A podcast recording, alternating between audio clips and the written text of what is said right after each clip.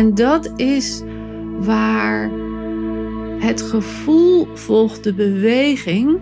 Dus het gevoel van ik stap wat meer in mijn eigen bekken als gever. Ik land wat meer naar achter. Ik geef wat meer aanwezigheid in mezelf. Ook ruimte geeft voor de ander. Welkom bij de Sensueel Belichaamd Leiderschapspodcast met Janneke Robers. Dit is de podcast voor vrouwelijke coaches en leiders die zichzelf willen bevrijden van eeuwenlange conditioneringen die hen klein houden. En de podcast die je ondersteunt in het ontwaken van je volle vrouwelijke potentieel. Welkom in mijn hoofd, hart en bekken.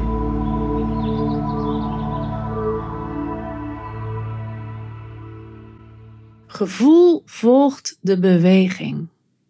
Het is iets wat ik de afgelopen tijd steeds vaker ben tegengekomen. En ik dacht, ik leg het eens eventjes helemaal uit, zodat je hem ook diep in je lijf kan voelen hoe dat werkt. Ik kreeg namelijk een vraag van een deelnemer tijdens de deep dive van Voluit Vrouw zijn, de driedaagse retraite die we een aantal weken geleden hebben gedaan, waarbij we een oefening deden rondom het vrouwelijk vuur. En ik liet de deelnemers door de ruimte heen stampen, uh, kickboksen, met een zwaard lopen. En echt dat gevoel van innerlijke kracht, innerlijke stevigheid en onverzettelijkheid in zichzelf wakker maken. En iemand vroeg: als ik dit nou vaker thuis doe, ga ik dit dan ook voelen in mijn dagelijks leven? Ga ik dan in mijn dagelijks leven ook helderder zijn in mijn grenzen? En ga ik dan ook stevigere uitingen kunnen doen? En ga ik dan ook mijn uh, patronen die ik niet meer wil hebben, kan ik die dan ook doorhakken, zoals we dat deden met dat zwaard? En het antwoord is natuurlijk ja. Want het gevoel volgt de beweging. Op het moment dat ik heel erg rechtop loop, mijn borstkast vooruit doe, helemaal uitgelijnd ben tussen hemel en aarde, voel ik mij veel steviger en krachtiger dan wanneer ik voorover gebogen, met mijn schouders gekromd, mijn blik wat naar beneden loop. Als ik wiegend met mijn heupen loop, dan voel ik dat die, die gevoel, die sensatie van vrijheid, van sierlijkheid, van beweging. Als ik op hakken loop, voel ik me vrouwelijker, maar soms ook wat wiebeliger, omdat ik niet met mijn hielen op de grond sta. Dus ik heb de neiging om heel vaak op barefoots te lopen, omdat dat stevig en geaard is en me heel erg gegrond doet voelen. En je zou nu kunnen denken: is het gewoon zo simpel? Is het gewoon zo simpel als rechtop staan en jezelf veel zelfverzekerder voelen? Of zit er nog een kronkeltje in wat dat een beetje tegenhoudt? En het is natuurlijk allebei. Het is en zo simpel. En het is een kip of het ei verhaal. Dus op het moment dat je je wat minder zelfverzekerd voelt, ga je dat ook zien in je lijf. En is het dus niet alleen het gevoel volgt de beweging, maar de beweging volgt ook het gevoel. En daar is een prachtig boek over geschreven door Ansgar en Dietlinde Rank. Ik zal het ook even in de show notes zetten. En dat heet Je lichaam als spiegel. Het is een heel oud boek. Ik weet eigenlijk ook niet of het nog te koop is, maar misschien wel op marktplaats te vinden. En dat gaat over de bioenergetica en de karakteranalyse van lijven. En ik heb echt een fenomenale kwaliteit om lijven te lezen. Ik moet er zelf een beetje om lachen, want voor mij voelt het heel erg simpel. Maar het is natuurlijk iets wat heel, heel nauw komt. En je mag dat in deze tijd vaak niet meer zeggen, omdat we zo het gevoel hebben dat we mensen vastzetten als we naar ze kijken. Of dat we een soort van hokje om mensen heen plaatsen. Maar je kunt gewoon zien of mensen heel erg in hun hoofd zitten of heel erg in hun voeten zitten. Als ze wat steviger zijn, is het vaak een teken van bescherming. Als er wat meer op de heupen zit, dan betekent het dat daar wat meer bescherming nodig is. Als uh, bijvoorbeeld van die mannen rondlopen die veel naar de sportschool gaan en van die hele stevige schouders hebben.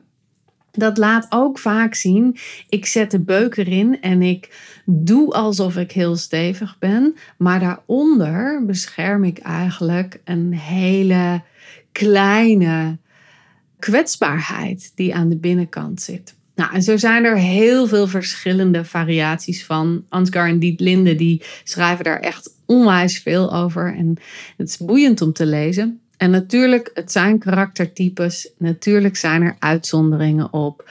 Ehm, de, bijvoorbeeld de topsporter die slecht is afgetraind en daardoor stevig wordt, heeft wat minder te maken met, ehm, met bescherming, maar meer gewoon met het biologische geheel van ons lijf. Dat, uh, dat moet wennen aan minder sporten.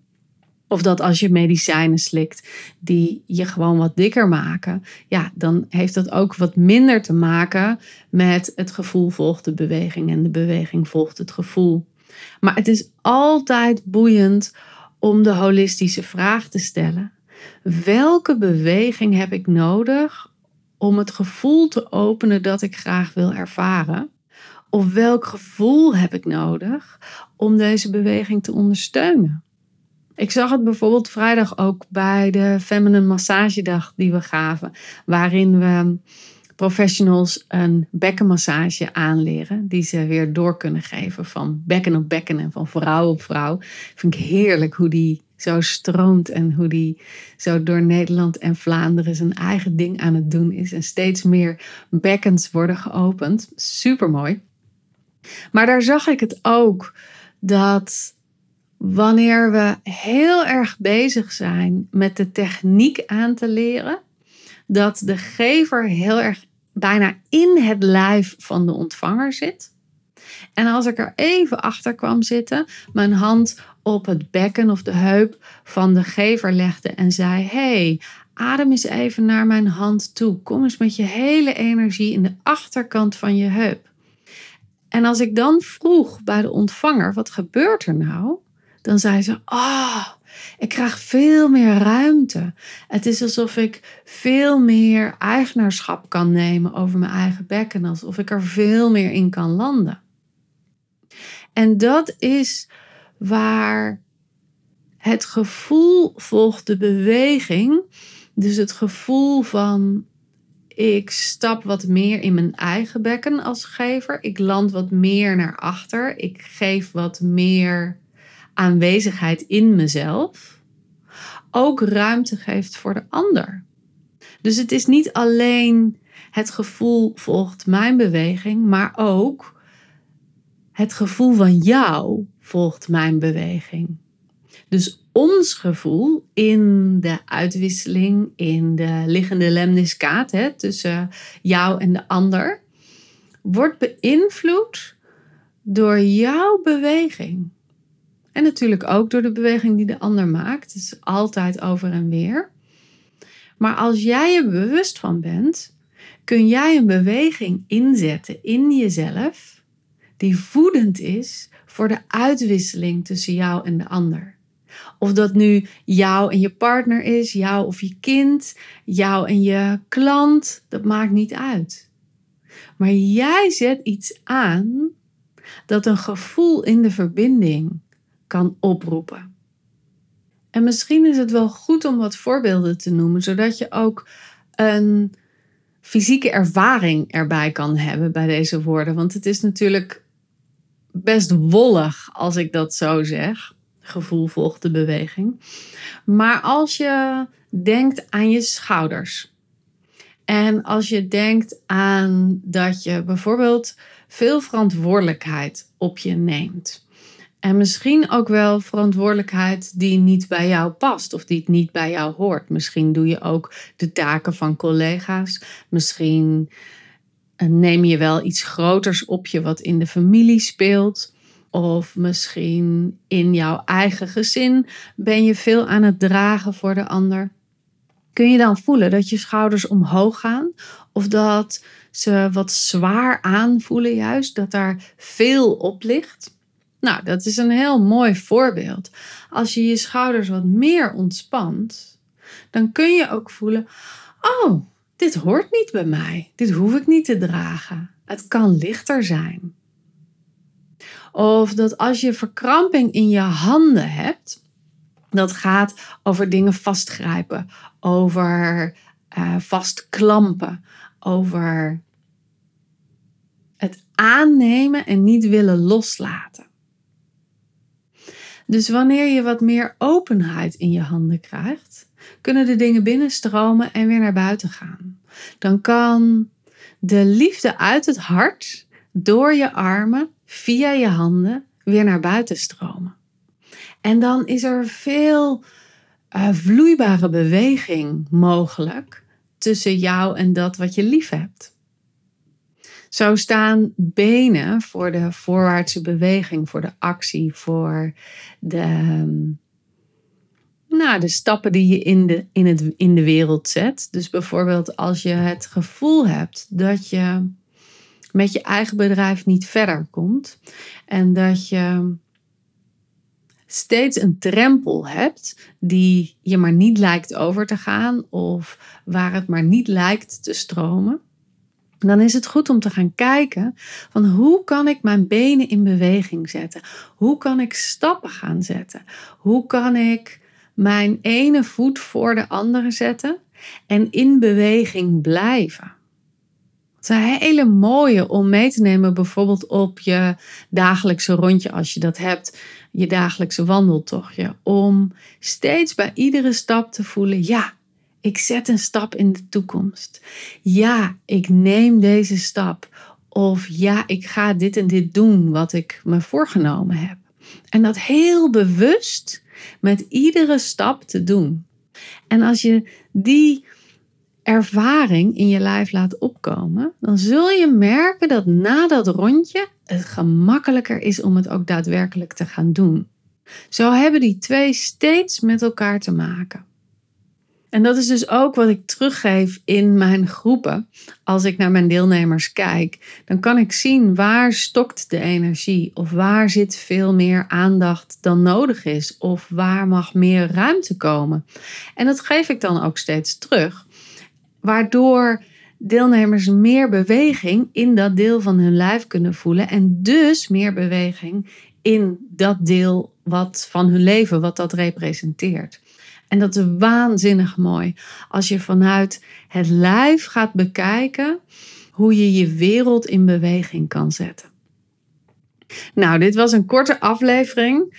Maar ik wil dat je nadenkt of navoelt misschien wel. Over welk gevoel jij graag zou willen ervaren. En welke beweging je daarbij zou kunnen ondersteunen. Dus misschien is je verlangen stevigheid. Nou, welke vorm van stevigheid, welke beweging die stevigheid in je oproept, kan jou daarbij ondersteunen? Is dat bijvoorbeeld de houding van een sumo-worstelaar? Of is het de beweging van de ja-nee, die ik ook in een videofilmpje heb op mijn website, die je daar ondersteunt? Of is het nou, misschien is het wel het, het vasthouden van een zwaard dat stevigheid in je oproept. Of misschien wil je juist je heel erg sensueel voelen. Maar wat is de beweging die daarbij hoort? Is dat zelfkoestering of zelfmassage? Is dat sierlijk dansen? Is dat misschien wel op tangoles gaan. Of misschien is het wel je zintuigen aanzetten terwijl je dat dagelijkse rondje loopt. En diep ruiken wat de geur van de lente nu is en, en hoe dat bij je binnenkomt. Het zijn allemaal vormen van bewegingen. En ik ben eigenlijk ook wel benieuwd. Dus deel eens even met me in, uh, in de Instagram DM. Welk gevoel zou jij graag willen ervaren? En welke beweging hoort daar volgens jou bij? Welke beweging ga je toevoegen in je leven? Zodat je dat gevoel wat meer stevigheid of wat meer gronding of wat meer bedding kan geven in jouw lijf. Nou, ik ben heel benieuwd. En als je mijn persoonlijke begeleiding daarbij wil, dan uh, kun je natuurlijk even uitreiken in de DM, zoals ik zei. Dan dat vind ik altijd leuk om van je te horen. En dan stuur ik ook altijd een berichtje terug. Maar je kunt natuurlijk ook een jaar lang met mij werken in voluit vrouw zijn. En dan gaan we echt kijken, wat is het nou wat je graag zou willen voelen? In je werk, in je relaties, in je omgang met jezelf en je eigen lijf. En hoe zou je dat kunnen ondersteunen? Hoe open je nou dat gevoel van die volle vrouwelijke potentie in jouw leven wakker maken? Zodat je dat hele spectrum van jouw vrouw zijn weer levendig maakt in jezelf. En dat je ook voluit in jouw vrouwelijk lijf kan landen. En dat er geen delen meer zijn in je lichaam waar je verkramping of afkeur of doodsheid in voelt, maar juist dat je alle delen van je lijf inzet, zodat je voluit leeft, voluit aanwezig bent, voluit kan relateren met je eigen lijf en met de wereld om je heen. Nou, als je dat boeiend vindt, reik dan ook even naar me uit. En ik vind het superleuk als je deze aflevering zou willen, ehm, hoe zeg je dat? Een rating wil geven. Dat kan op Spotify en iTunes door even vijf sterren aan te klikken. Dat vind ik echt super fijn als je dat doet. En zo komen andere vrouwen ook weer in aanraking met deze podcast. En kunnen ze er ook weer wat van leren. Dat is super fijn. En uh, nou, ik zie je graag bij de volgende aflevering. Doei doei!